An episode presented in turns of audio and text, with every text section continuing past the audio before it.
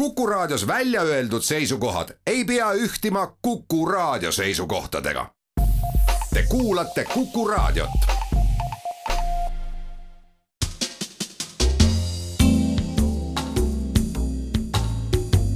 tarkade klubi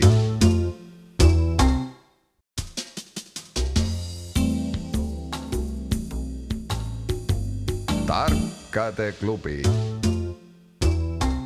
tere taas, Kuku raadio Tarkade klubi tervitab häid kuulajaid alanud Jüri kuu esimesel laupäeval.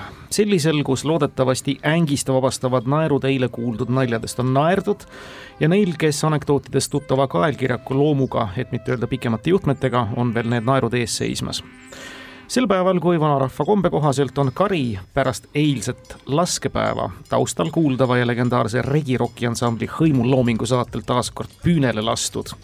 ja päeval, kui ikka ja jälle taas mõtleme ka neile, kel pole antud võimalust Euroopa viljakaimasse mulda midagi panna ega midagi sealt ka võtta.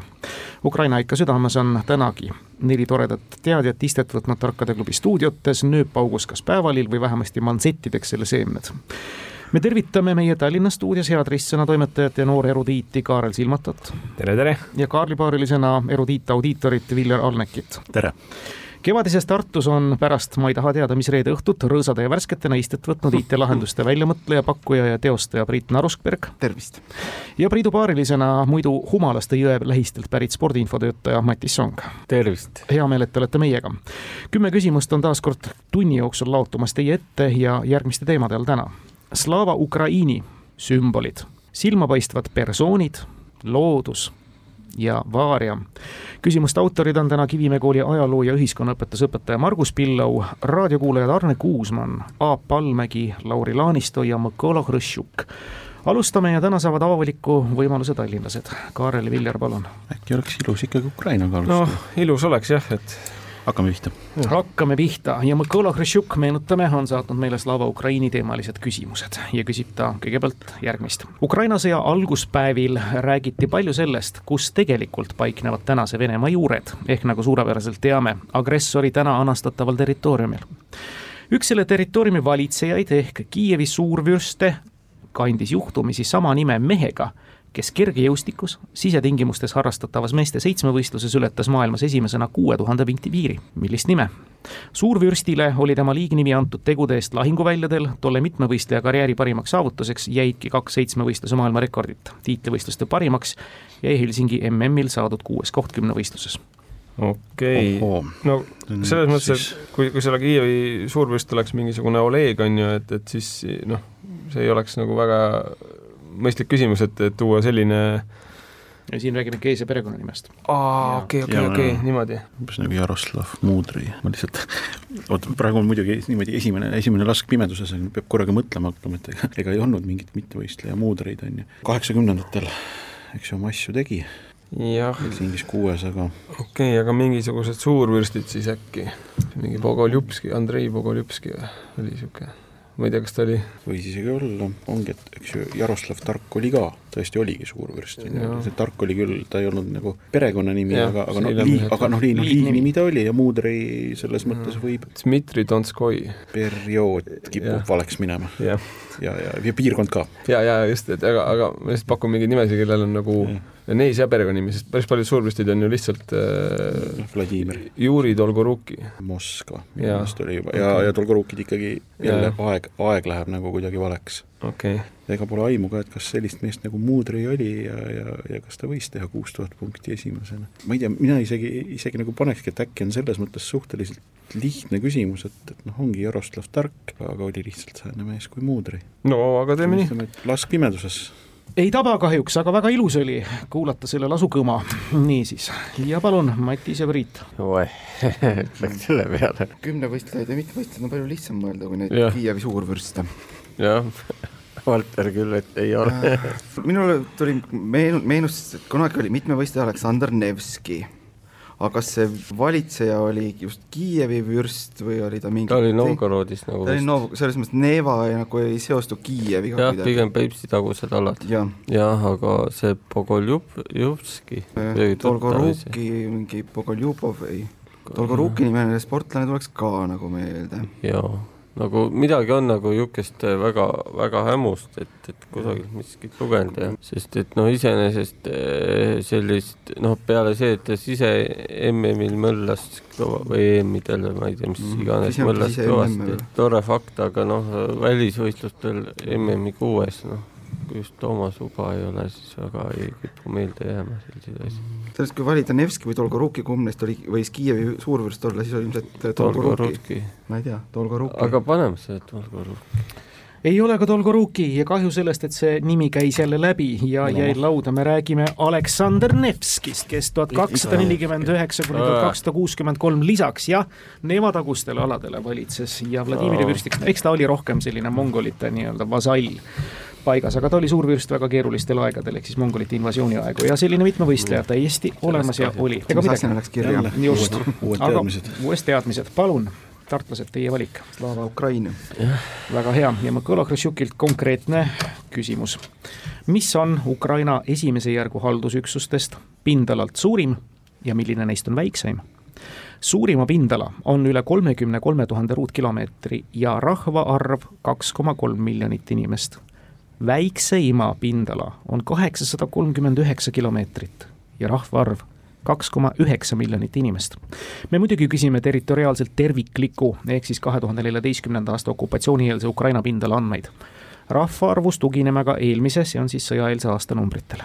suurim siis kolmkümmend kolm tuhat ruutkilomeetrit ja rahvaarv kaks koma kolm miljonit inimest, väikseim pindalaga kaheksasada kolmkümmend üheksa ruutkilomeetrit ja rahvaarv kaks koma üheksa miljonit inimest, me räägime siis esimese järgu haldusüksustest Krimm oli päris hea latakas. jah, ma mõtlengi, et Krimm võiks olla kõige suurem, kas Krimm on, sõltub, kas Krimm on üks haldusüksus või no pigem no, ikka pigem.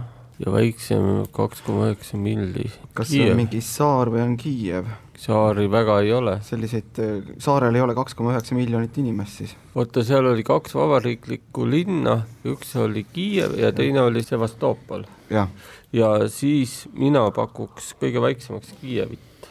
rahvaarvu poolest sobiks Kiiev paremini. Sevastopolis nii palju. Sevastopolis nii palju eluilmaski ei ole. ja, ja suurim, ma ei tea, Krimm. Põhimõtteliselt on vist üsna Mandri-Eestiga sama suur. ja, ja, ja kui Timo tõi nagu selle vihje sisse, et ta ikkagi see, mis on äh, territoriaalselt nagu see, mis peaks õige olema, pakuks, et Krimm ja Kiiev. pool punkti. Oh.. Viljar Kaarel. No Kiievi linn on, on kindlasti õige. jah aga..., sest äh, suuruselt järgmine, eks see on Harkiv. Ja seal no kahest koma üheksast miljonist jääb väga palju puudu. ja Kiiev on suuruselt midagi no Harkiv on miljonilinn, see Dnipro on ilmselt Odessa on ka miljonilinn, aga nibin-nabin. ma enam-vähem nagu neid kaarte olen näinud nende haldusüksuste piiridega, need on enam-vähem kõik suured, et ma nagu ei mm ei, ei tule nagu joonista midagi välja, Krimm on tegelikult üsna väike, ta tundub suur, aga ta on nagu pindalalt noh, selline petab ära. ütleme muidugi see ennesõjaaegsed piirid, siin on ka küsimus mm, -hmm. et äh, praegu on Harkiv suuruselt teine, kas muidu ei olnud Donetsk? ei, minu arust Donetsk, Luhanski oblastid ei ole nagu väga suured, et see võib küll olla, jah. et, et ole... pindalalt tegelikult seal minu arust on idas natukene suuremad, et ongi kas Harkivi oblast või siis on see Dnipropetrovski, ma ei tea. no nüüd on Dnipro, jah. aga, aga oblast vist on noh, jah. vist, vist on isegi oblast. ja, ja tegelikult, tegelikult ikkagi kui mõelda, Odessa on äh, ta, see oblasti piir, noh, ta läheb terve see rannik nagu lõunasse välja, et see, mis seal Moldovaga piirneb, et, et, et sealt ta võib-olla lõikab natukene endale nagu pindala juurde, aga sest kaks koma kolm miljonit, see on ikkagi, see eeldab, et seal on ikkagi noh, üks suurlinn on, on sees et, et ta ei ole seal mingi Žõtomõr ega Mõkolajev ega Herson ega no, Rivne umbes. jäämegi, me jäämegi tegelikult siis, eks ju, sinna Oota, Harkivi, Dnipro, Odessa peale. Lviv.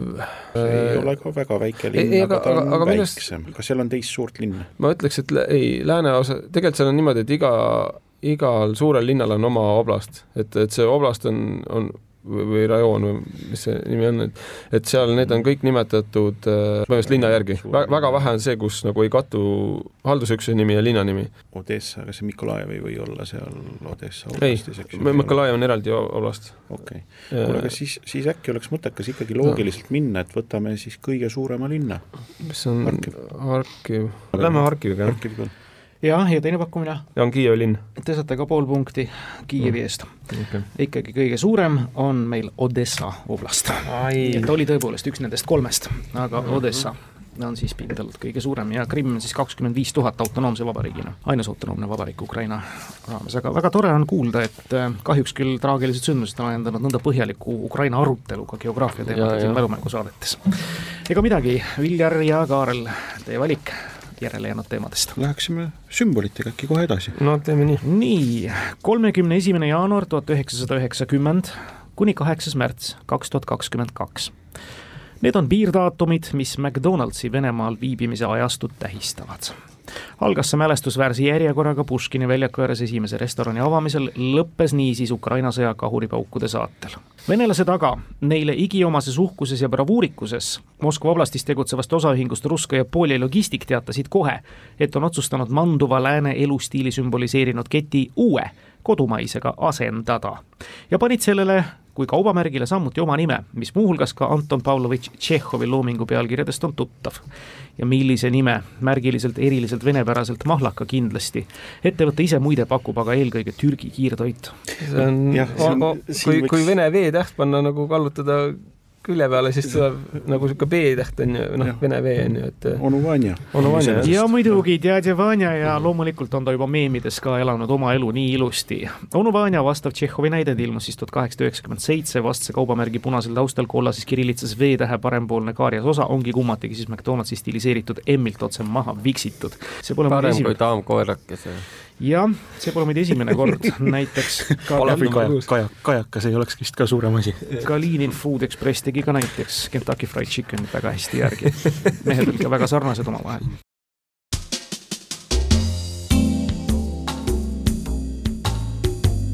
tarkade klubi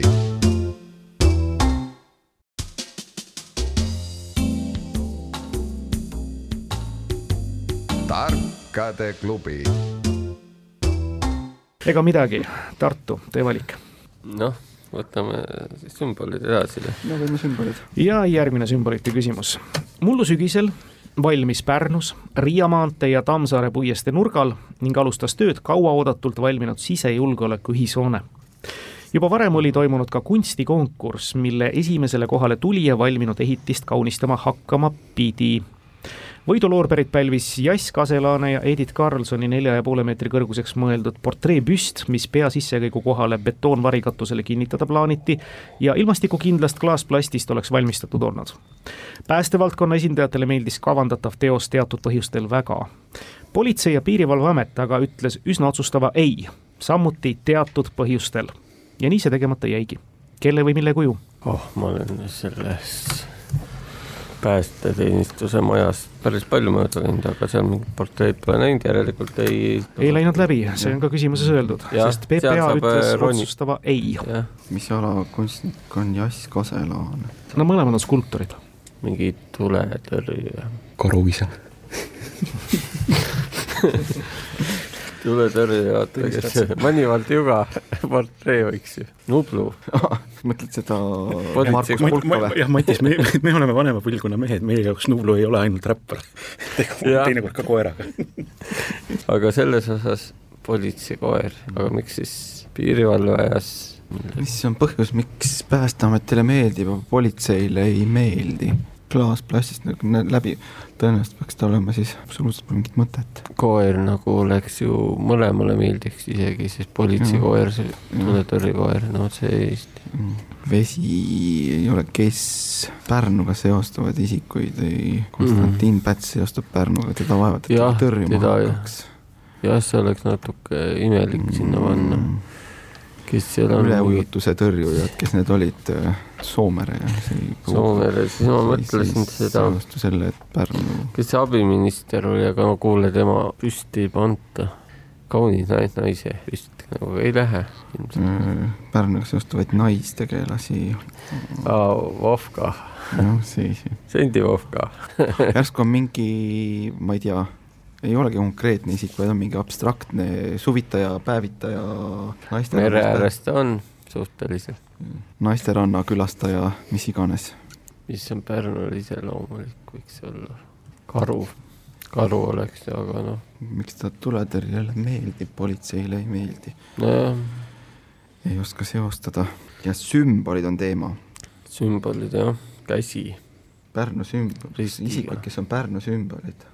Ah jesses küll, paneme mingi karu või? karu. karu. no paneme karu. ei ole õige vastus minna. ja sümbolistid, semiootikud Tallinnast, palun. jaa, Tallinna semiootikutel tuli suurepäraseid ideid hästi palju. tuli väga, väga sümbolistlik oleks olnud, kui jätkata Tšehhoviga, eks ju, et onu Vaniast jätkame siis selle daamkoerakesega, eks ju, on Pärnus. ei, aga aga tegelikult jah, see asi läheb vist natukene teise kohta. meenus üks niisugune legendaarne graffiti mis ilmselt kõigile politseiametnikele praegu, kui ma seda välja ütlen, ei meeldi, aga trükivigadega siis mentid on kukked. Ja. Ja, ja, ja tuletõrjujatele punane kukk nagu päris meeldis, aga, aga jah, PPA-le see väga täpselt niimoodi, siin no, tuleb otsida yes. sümboolset subkultuuri tähendust, punane kukk kriminaalsete subkultuuride sümboolikast lähtuvalt oleks kukk siis taolise funktsiooniga hoonel ühemõtteliselt ebasoovitav tõesti olnud. ja nõndaviisi ongi, läheb aegu ennem, kui see nii-öelda kuke staatus võib-olla ka sellest subkultuurist kaob. aga see annab teile nüüd teise punkti kokku, teil kaks pool, Tartul pool. ja te valite, Viljar ja Karl. kolm teemat jäänud. no lähme per, jah, persoonid siis. silmapaistvad persoonid, Aap Allmägi küsib selle Eesti ilukirjanduslukkugi raiutud kunstniku teoseid võib leida Luuvris, Viini kunstiajaloomuuseumis, Berliini maaligaleriis, rahvusgaleriides Londonis, Washingtonis ja üle maailma tegelikult.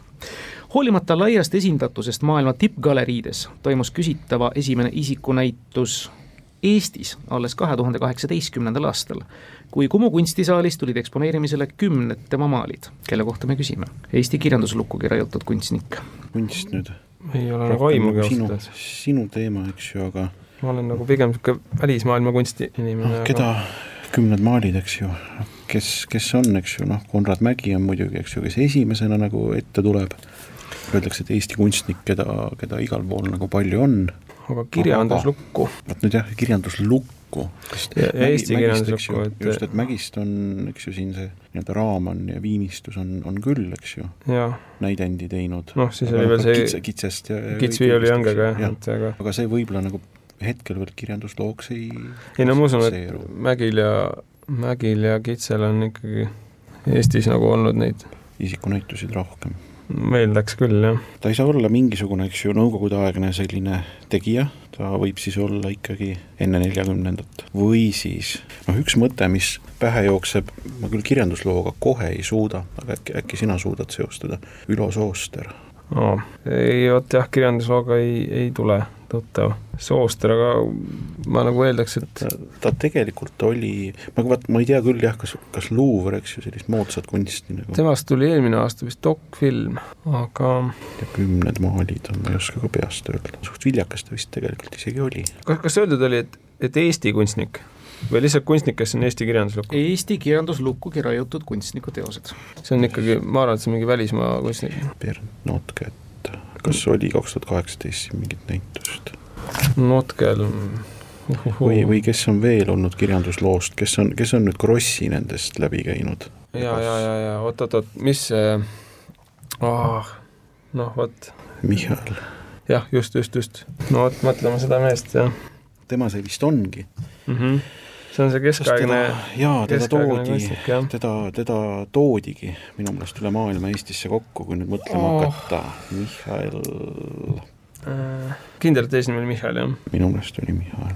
no vot äh.... nii, Notke ja Bosch praegu segavad natukene, võiksid eest ära minna. kas tal oli niisugune ladinapärane lõpp nagu mingi Iitsius või mingi niisugune noh, nagu see Karel Fabricius või aga, aga vot, vot, vot oi, oi, oi, oi. jaa, nüüd on see hetk, et Praegu. toome, toome pead vastu seina, et äkki purutab õige koha peale mm. -hmm. poole punkti huvides te võite Tartult abi küsida Tartu ei anna. ma ei tea, hakkame siis mingi esitähtede järgi võtma kas ta võis olla A-tähega, kas ta oli nõrga B-ga? ta oli, minu arust oli konsonandiga. no minu meelest ka. ehk et noh, jätame, jätame need vokaalid siis praegu oh. S või K, L, S, L, ei, paus läheb pikaks ja piinlikuks. me käimegi siis välja seal mingi Michal, noh, ta ei olnud päris Büllov, aga, aga no ütleme sinnakanti. No mingi Mihhail Büllov. ei, selle pika pingutuse peale lausa valus kirjutada, palun Tartu, tulistage. kas hakkad tähthaaval neile ütlema? Või ei, ütle lihtsalt nimi ma käisin tema näitusel ka seal Kumus, Sittav. jah, Mihhail Sittav. mainitud kirjanduslugu siis Jaan Krossi neli monoloogi Püha Jüri asjus. poolteist Tartu, kaks pool Tallinn, kõik on võimalik, pool mängu on selja taga. persoonid. jaa, silmapaistvad persoonid omaaegne Ida-Saksamaa jalgpalli esindusmeeskond ja tema parimad tulemused sündisid kahtlemata olümpiaturniiridel. MM-finaalturniirile jõuti vaid korra ja seal teisest ringist kaugemale ei saadud. aga olümpiamängudel võideti kaks pronksi, üks hõbe ja tuhande üheksasaja seitsmekümne kuuendal aastal kuldmedal. see kõik on sissejuhatuseks mm. -hmm. tolle Monreali turniiri finaali eel Poola vastu olla meeskonna toonane väravavaht Jürgen Kroi motiveerinud meeskonda sõnadega. kuulge kui juba see luuser ja siin ta viitas ühel samadel mängudel võistelnud ja võitnud idasakslasele, suutis tulla olümpiavõitjaks, suudame seda ka meie. tsitaadi lõpp kelle levitas Kroi oma motivatsioonikõnes. muide, see luuser suutis olümpiavõitjaks tulla suisa kaks korda. see oli see meeste maratoni olümpiavõitja Tšerbinski mm.. jah, välk vastus yes., täpselt, täiesti tundmatu mehena võitis Valdemar Tšerbinski ja neli aastat hiljem juba mitte nii tundmatuna ka Moskva olümpiamängudel. oli siis pärast legendaarset Abebe Bikilat teine mees, kes suutis maratonis olümpiavõitu korrata ja mullu suvel sai alles kolmandana sama saavutusega hakkama Eliud Kipchoge. väga hea, ehk saime paisu tagant valla, teil on nüüd kaks pool nõnda nagu ka Tallinnal, me jätkame pineva mänguga, Kaarel Viljar. no loodus. tublid, võta, võta, võta. tublid, robirohud, härgheinad ja silmarohud tahate ikka loodust, jah? kuuluvad kõik mai, mailaseliste sugukonda. Ehk siis robirohud, härgheinad ja silmarohud kuuluvad kõik mailaseliste sugukonda teiste hulgas ka siis ainus Eesti tõestatud endeemne liik ehk Saaremaa robirohi. Nad kõik, ehk siis mailaseliste hulka kuuluvad loetletud, on ka Eesti ainsad ja küsime, kes? me ootame vastust, mis kuulub ökoloogilisse alajaotusse ma täpselt teaks, mis asi on ökoloogiline alajaotus mm, jah mida see tähistab? alguses tundus, et küsimuste valikuga läheb nagu, nagu kenasti, on ju, ja nüüd praegu tundub, et et suudame, suudame ilusti leida, leida üles need, mida ei tea ja jätta Tartu sõpradele need, mida teame. okei okay. hmm., no mingi putuktoidulised, need vist ei ole, seal on huulhein ja mingi võipätakas on ju, et äh, kuigi võib-olla niimoodi jäeti mainimata. ei, ma, ma seda nagu kahtlen, silmarohi minu arust ei mm. ole mm.. mai, kas see nüüd on maikuuga kuidagi seotud et mais õitsevad, ei, ma seda kahtlen. no ei, mai, jah, mais õitsevaid on kindlasti veel. jaa, aga kas siis mingisugune, mingid päris maised, noh, ilmselt neid, neid on rohkem, aga võõrliigid, neid on ka kindlasti rohkem. nojah, ja robirohi on, on tõesti, eks ju, see on ja, Saaremaa, Saaremaa robirohi ainult see. pole nagu kuskilt midagi kinni haarata nagu, et ökoloogiline alajaotus, noh, nad ei ole mingisugused, ma ei tea, kõrrelised või? ei, ma ei tea, minu arust neil mingisuguseid väga mingeid suuri õisi ei ole, on ju, et äh, nad on lihtsalt noh, mingisugune tavainimene ütleks siis mingi huva malts on põllul, noh. äkki on mingisugune, ongi mingi umbrohuga midagi tegemist või? no aga Eesti ainsad umbrohud. põllumehed jah, paluksid, paluksid meil ümber mõelda. no siin pole öeldud kõik, vaata, et sinna võib-olla lähevad kõik mingisugused asjad. maila sellised, umbrohtusid on küll pa. parasiitsed. Oota, aga mingid nii-öelda ise tolmlevad, midagi sellist, ei vaja mesilaste abi. vapomiktiline või mingi niisugune sõna on, ei ma no, aga siin seda terminit polegi, eks öeldud, on lihtsalt Eesti ainsad. aga neid peaks Neid vist on, on äkki on veel ja on mingid teistsugused äkki. okei okay,, võimalik, mõtleme veel. no silmarohi, nii, no seda kasutati silmade raviks, on ju. no mingid mitte, mitte õitsevad nad tõenäoliselt ka ei ole. esiteks noh, mitte õitsevaid on, on ka nagu jah, no ikkagi see ökoloogiline, kas, kas mitte õitsev oleks ökoloogiline alajaotus? aga äkki need on need, mis seal mingi prügilates kasvavad? no see nagu ei ole päris noh, kas on päris ökoloogiline alajaotus prügilates kasvab ka igasugu nojah, aga, aga seal on väga niisugused spetsiifilised taimed, mis seal nagu, millele meeldib nagu nojah, aga kas see on nagu maila selliste sugukonda ainult, mis kasvab prügilates? selles ma natukene ikka kahtleks. nojah, seda küll, jah. mingit loomatoit, toiduks, ma mõtlen mingit silotehes on ju, niisugust asja sinna ei lähe see on ju, et sinna läheb päris palju igasugust muud asja ka. ja, ja ökoloogiline. no äkki on ise tolmlus? noh, mis me siis, nojah, okei okay,, eks me pakume, ega paremat pähe ei tule, et ei ole kahjuks see õige vastus, tuleb pikalt kangutades, palun, tartlased on teil teadmist? meil tuleb umbes sama pikk kangutamine me hakkame kangutama. lihasööjataimed. Tambert, Tambert. ei ole vist. lihasööjataimed ainult jah. hull hein on oh, ma olen siia kirjutanud umbes sada erinevat äh, asja, mina ei ole midagi märkinud. oh issand et kas see on midagi seotud nende paljunemisega, ehk siis see, et ise paljunev, no neid on iseenesest noh, selles mõttes need on erinevad, selles mõttes, et võililled paljunevad sul ka juurte ja oraseina ja sul mingite risoomid sul on risoomid kogu aeg võtta. Mm, -hmm. nii reliktid. reliktid, et äh, on mingid jäänukid mingist äh, erilisest ajastust kusagilt. Äh, siis, kui dinosaurused rõõmsalt tatsasid ringi. mida, mida dinosaurused ka sõid, mingid parasiidid, neid parasiite on teisigi. noh, neid ma arvan ikka leiab igalt poolt. kassitapud vist on ka üsna. jah Rakvere. -hmm. mingi mõju keskkonnale, kas nad on mingil spetsiifilisel kombel mürgised näiteks? mürgiseid taimi on teisigi. Neid on nii palju, et, et kellel on lehed, lehed või õied või juured või mürgised, neid on teisigi, et selle võib ka nagu äh, igihaljaid taimi. kõrbetaimed igihaljaid taimi on teisigi. no enda kanarpikk tuleb kohe ette. selles mõttes, et igihaljad rohttaimed, kanarpikk, kas ta läheb rohttaima või ta läheb mingi põõsas või puissi? niisugune mõte troopilised taimed looduses. erinevaid mõtteid on palju, aga ühtegi ei oska nagu teisest ettepoole tõsta, kõik, kõik laseb nagu artilised taimed, no neid ja. on ka, ma arvan, rohkem robirohi on endeemiline, siis ta vaevalt, et on mingisugune ajast, kui loomad rääkisid võib-olla jah, äkki on mingid relikttaimed. järsku on relikttaimed. relikttaimed pakute? jah. Ei ole õige vastus. ökoloogia on siis teadus, kuidas liigid nii eluta kui eluslooduses üksteisega ja kogu maailma ja kogu ümbritsevaga suhtlevad ja suhestuvad me räägime ikkagi poolparasiitidest oh., mitte parasiitsetest, ehkki ma oleks ka parasiitsete eest punkti andnud, need on Eesti ainsad poolparasiidid, mis vajavad oh. siis peremees organismi, et ise elus püsida. kas nad ka teisi organisme välja suretavad, see on nüüd liigiti väga erinev, see on siis ökoloogiline alajaotus, parasiidid, poolparasiidid ega midagi, lähme edasi, mis te nüüd võtate, Matis ja Priit? võtame selle vaari, jätame pausi välja. jaa, Venemaa kaupu eriti luksustooteid, on neil päevil teatavasti ja ilmselgetel põhjustel suurele osale maailmast keelatud endale soetada või väga raskeks see tehtud. Üks sellistest kaupadest on spetsiaalne karakull või lambanahast talvemantel või kasukas. millist nimetust see mantel kannab? teise maailmasõja karmide talvede aegu oli see kasukas või mantel Wehrmachti sõdurite hulgas vaata et kõige defitsiitsem kraam sama nimetust kannab häälduse järgi üks väga tuntud element iluuisutamises, nimelt kõige lihtsamaks loetav hüpe, nimetage emb-kumb nagu öeldud, kuulates väga vahet ei ole. nii, neid hüppeid on kuus, neid, mis saab kirja panna või? nii, Salkov, Salkov oleks vast kõige lihtsam või? Aksel on see, mis nagu hüpatakse nägu, nägu sõidu suunas, see on raskem. luts ja, luts on kõige raskem. flip on ka raske, luup või see tulup. tulup, tulup. jah, tulup see ei ole ilmselt mitte. see vist jah on. et äh, Salvi kasuks räägiks see, et see on natuke venepärane või slaavipärane hakkasin Salkov, mis see, mis see kuues hüpe on?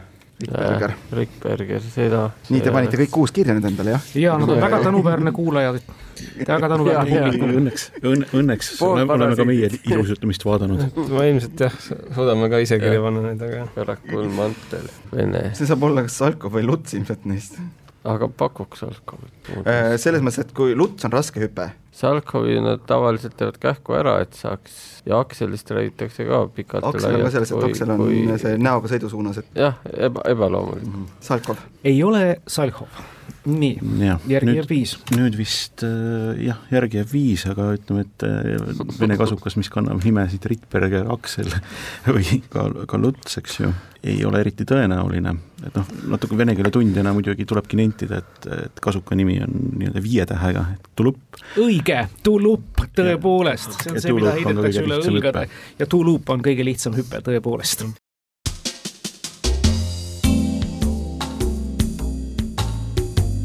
Tarkade klubi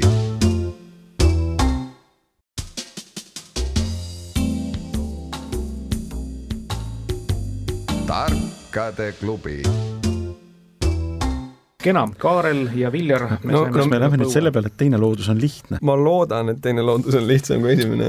kui nüüd on see, et tulistame mhm. teise jalga ka, noh siis lonkame vähemalt mõlemat jalga. korralikult. teine loodus ja vanameister Arne Kuusmann, meenutagem, küsijal on vanust üheksakümmend pluss, kuulake hoolikalt, soovitan. eelmisel aastal valiti Uus-Meremaal aastalinnuks liik, kelle sugulased elavad ka Eestis ja kuigi nad on siin looduskaitse all, siis Eestis neil erilist populaarsust ei ole. kellega on tegemist? ilukirjanduses on tegemist populaarse tegelasega, äsja ilmunud Erkki Koorti spiooniromaan algab tema kinnipüüdmisega seotud tegevustest ja Mark Twaini loomingus on ta muide ära leidnud märkimist kui hädapärane söök. Hmm..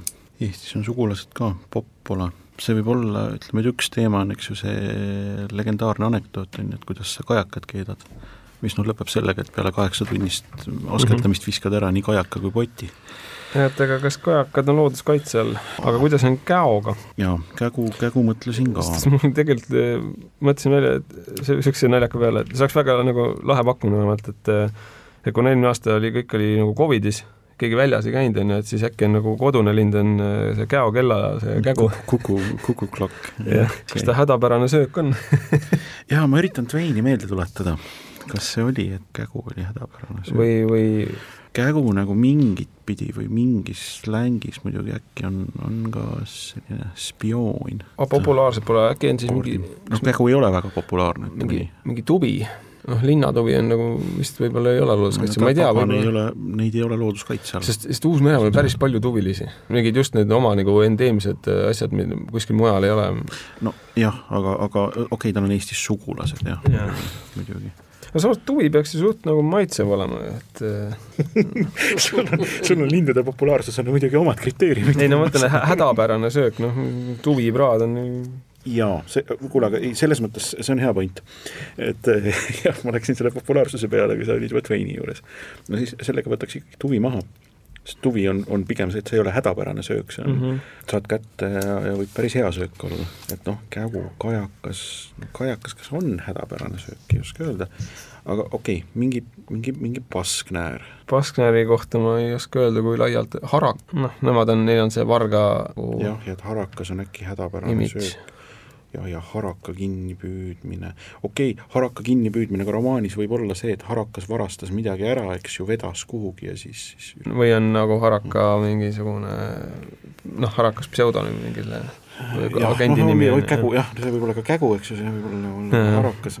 no kajakas on looduskaitse all on kuidagi imelik no.. jah, see on tõesti, kas ta on õige, et kas ta on loodus, kuule, aga kas kägu on looduskaitse all? no võib-olla, ega ma ei tea, et ega neid ju no, nii palju ei, ta ei ole ju mingi kõige levinum lind.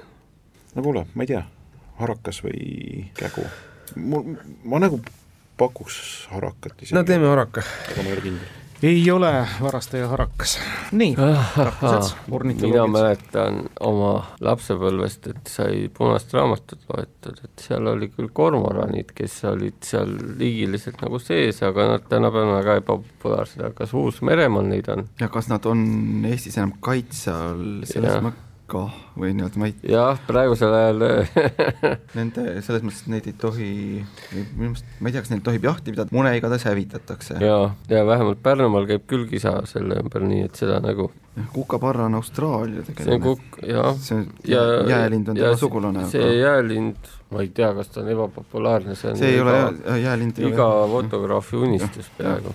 Eestis kaitse all, aga ebapopulaarne selles suhtes mul oligi mõte see kormoran, aga selles mõttes ta nagu, kui, kui nad on enam kaitse all, ma nagu ei vanasti nad olid haruldased suhteliselt. Nad olid haru-, nad olid kaitse all. jaa, aga nüüd on ikka neli-viis tuhat ikka paari. jah, selles mõttes tas, kuna ta on merelind, siis ta võib Uus-Meremaale jõuda, sest seal on jah see häda, et kõik enamasti on arhailised sel ajal, kui jaa, jah Uus-Meremaa mujalt jalgalasi, siis et enamikul lindudel seal on lennu, nad on kõik mingiks lennuvõimetuks läinud. veelind on tõenäoliselt, võib-olla isegi õigesti õige suund. aga äkki on, äkki on kormoran? ei ole ka kormoran, tavaliselt soovitatakse küsimust hästi hoolikalt lugeda, ma soovitasin teil ekstra hoolikalt kuulata, küsiti mm. Uus-Meremaal aasta linnuks valitud liigi sugulasi, kes elavad ka Eestis mm. -hmm. sõna lind kõlas kogu küsimuse jooksul ainult üks kord selles kontekstis, et ta valiti Uus-Meremaa aastalinnuks, tegemist on nahkhiirega hoopistükkis, kes on imetaja. täpsemalt mm. siis Peka-Peka tuaroa ehk siis Uus-Meremaa pikasabaga nahkhiir, kes Uus-Meremaal osutus aastalinnuks. Mark Twaini oh, loomingus yeah. Indiani Joe koopas olles redus, sõi küünlaid ja nahkhiiri selleks, et elus üldse püsida.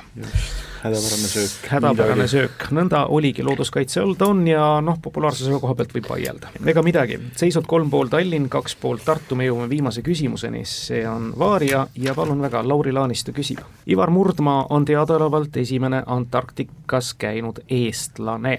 ta oli meregeoloog, kes osales tuhande üheksasaja viiekümne seitsmenda, viiekümne kaheksanda aasta ekspeditsioonil teaduslaeval Ob.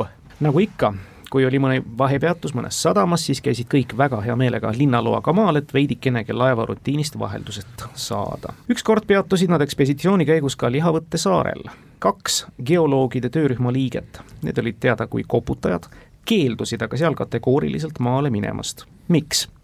vastuses on midagi väga Nõukogude ajastu kohast algsid inimsööjaid, naised olid paljaste rindadega, eks, aga see on kulm.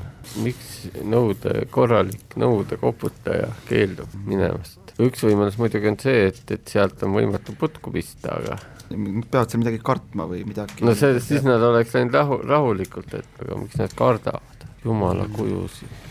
Lihavõtte saar, see, et ta on mingi kristliku nimega äkki see või?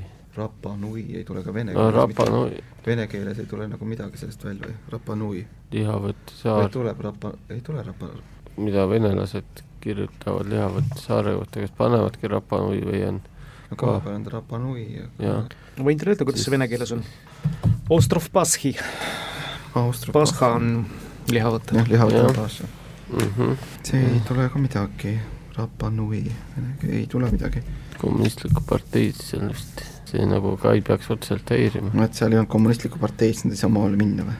ei, see, see nagu ei olnud, sest kas nad kardavad midagi või on tõesti mingid moraaliküsimused, et äh, ma ei tea, ma ei ole nagu kuulnud, et seal oleks väga paljaste rindade teema või mingi niisugune asi. see võib tähendada, selles mõttes kõlab nagu mingi, võiks olla venekeelne sõna rapan või? järsku oli see kristlik tähendus, no ma ei tea, kas nii ateistid siis see... ei usu, et see nagu, Rapanoi võib, võib, kõlab nagu oleks venekeelne sõna. Rapanov oh,, oh, oh. Tšiiliga nagu ka ei olnud mingit aa, nad kuulusid Tšiilile, jah? see kuulub Tšiilile, aga sellel mis ajal Tšiiliga kontaktid keelatud olid? seitsekümmend kolmandat peale seda siis, kui nad hakkasid Pinochetiga kuuskümmend veel ei olnud, jah? viiskümmend, kuuskümmend siis ei olnud mm. -hmm. siis oleks tohtinud laevaga sinna minnagi. ja, jah see ei oleks nagu mm, -hmm. äkki oli naiste üle head paigad. ma ei tea. Nõukogude inimlik suht-. moraaliküsimused või venekeelne, venekeelne tõlge või see tähendas vene keeles midagi rappu. mitte rappu, vaid midagi hirmutavat, niisugust. no paneme äkki see hirmutavat. hirmutavat. Rappu ei, ei ole see õige vastus, te jääte täna pidama siis kahe poole punkti peale. Ja palun, Viljar Kaarel. Okay.. no ma pean ütlema, et minu esimene asi, mis ma kirja panin kohe, oli see, et, et lihapõtted on kristlik püha ja nagu noh, nagu liit on ju ametlikult ateistlik, on ju, et nemad niisugust asja ei jah, see ateism on äh,, see on, see on üks nagu hea, hea, eks ju, pakkumine. nii, aga mida siin pole üldse nagu küsimuses mainitud, on need moai kujud, on ju. jaa, kas, kas, kas nende Nemad vaatavad näoga maa, sisemaa poole kõik, kõik. jaa, kas, kas nendest äh, mingi nii-öelda suveniiri võtmine või midagi sellist on, on sealkandis karist-, karistatav ka või? Ma ei kujuta ette, mis, mis sa seal suveniiriks võtad, mingisuguse tükikese... paari, paaritonnise kivikamaka? ei no tükikese kaasa, need lõhud, lõhud, lõhud neid maisid. et kuule, kuule. noh, kardavad oh,, kardeti provokatsiooni. äkki on see, et nende moaide püstitamiseks on äh, ekspluateeritud äh, mingit orjade jõudu või mingit äh, noh, et nojah, aga ei olnud, seda ei olnud isegi teada, eks ju, vaata, nad olid geoloogid muidugi, geoloogid noh, kivist võiks ühte-teist teada. mu, minu meelest on natukene kahtlane siin, et on mainitud lihavate saartega, pole kordagi mainitud neid kujusid. noh, et, et see kuidagi seo-, noh, see peaks nagu, et selle seose sa pead nagu ise looma ja siis noh, et minu ongi, ütleme, see nõukogudepärane, mulle see sinu noh, lihavate saar, eks ju, jah, kristlik püha ja, ja venekeelne tõlge, eks ju, on ka Passa saar, aga samas koputajad ei julgenud maale minna, on ju. et, et kui see oleks nagu päris olnud keelatud asi, oleks kaptenile üldse öeldud, et, et noh, et sellisel mm -hmm. kristlikul asjal sa siin, et sinna ei sõida, sinna ei lähe. aga et kui vastus on selline väga nõukogulik, siis see ei saa olla midagi ülearu loogilist, see peab olema mingisugune suhteliselt totter hirm. mõeldes nagu Nõukogude aja peale, mida nagu ikkagi kuskil välismaal käiv selline Nõukogude inimene, eriti siis KGB-t, eks ju, kartis, et noh, praegugi vaadata, eks ju, et ikka, ikka noh, provokatsiooni kardetakse hullusti, et et noh, kuna kogu maailm on, on sinu vastu, eks ju, ega selle augu on nad sinu jaoks kaevanud no,. et samas see ateism on ka nagu päris pakkumine. on, on, on Lihavõtte saar on nagu üks kõige eraldiseisvumaid saari, on ju, et, et tal ei ole lähedal nagu mitte midagi, et äkki siis kaarditi et, et, et laev sõidab minema ilma nendeta. Robinson Crusoe stiili, on ju, et aga noh, ja see mõte käis mul ka tegelikult peast läbi, et jah, et äkki kartsid, eks ju, et nemad on koputajad ja laev sõidab siis ilma nendeta Antar-, Antarktikasse, tui, vabandust.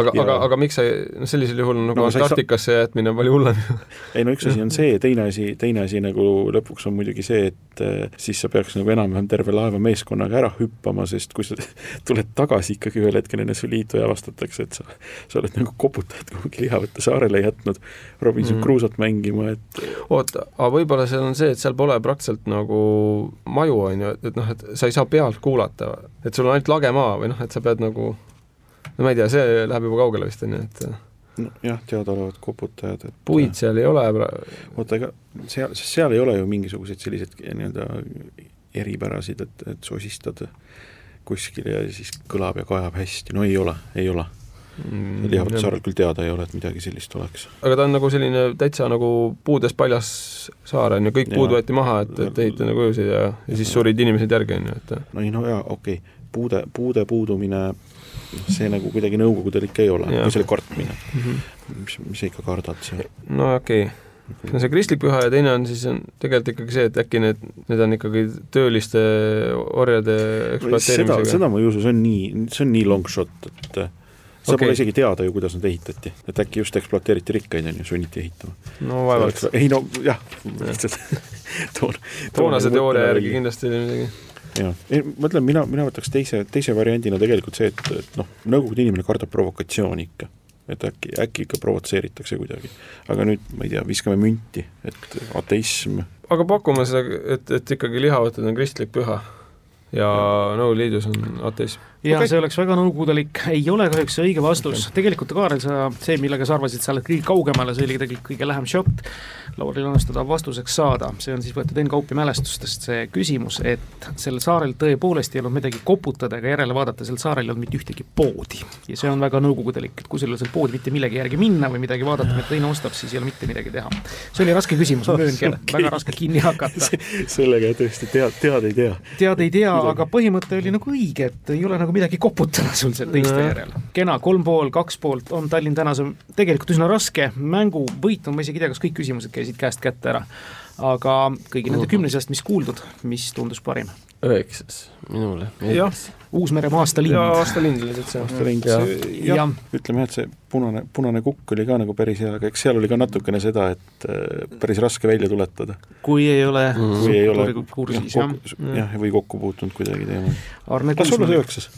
Arne Kuusmanil on hea meel siis raamat omalt poolt saata. aitäh mm -hmm. teile, Kaarel ja Viljar stuudiosse tulemast nendel kahel laupäeval. aitäh, Priit, aitäh, Matis, Tartu stuudiosse tulemast, ilusat kevade jätku ja uute kuulmisteni! aitäh!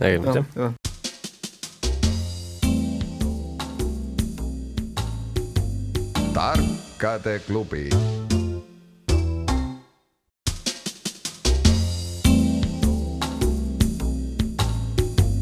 tarkade klubi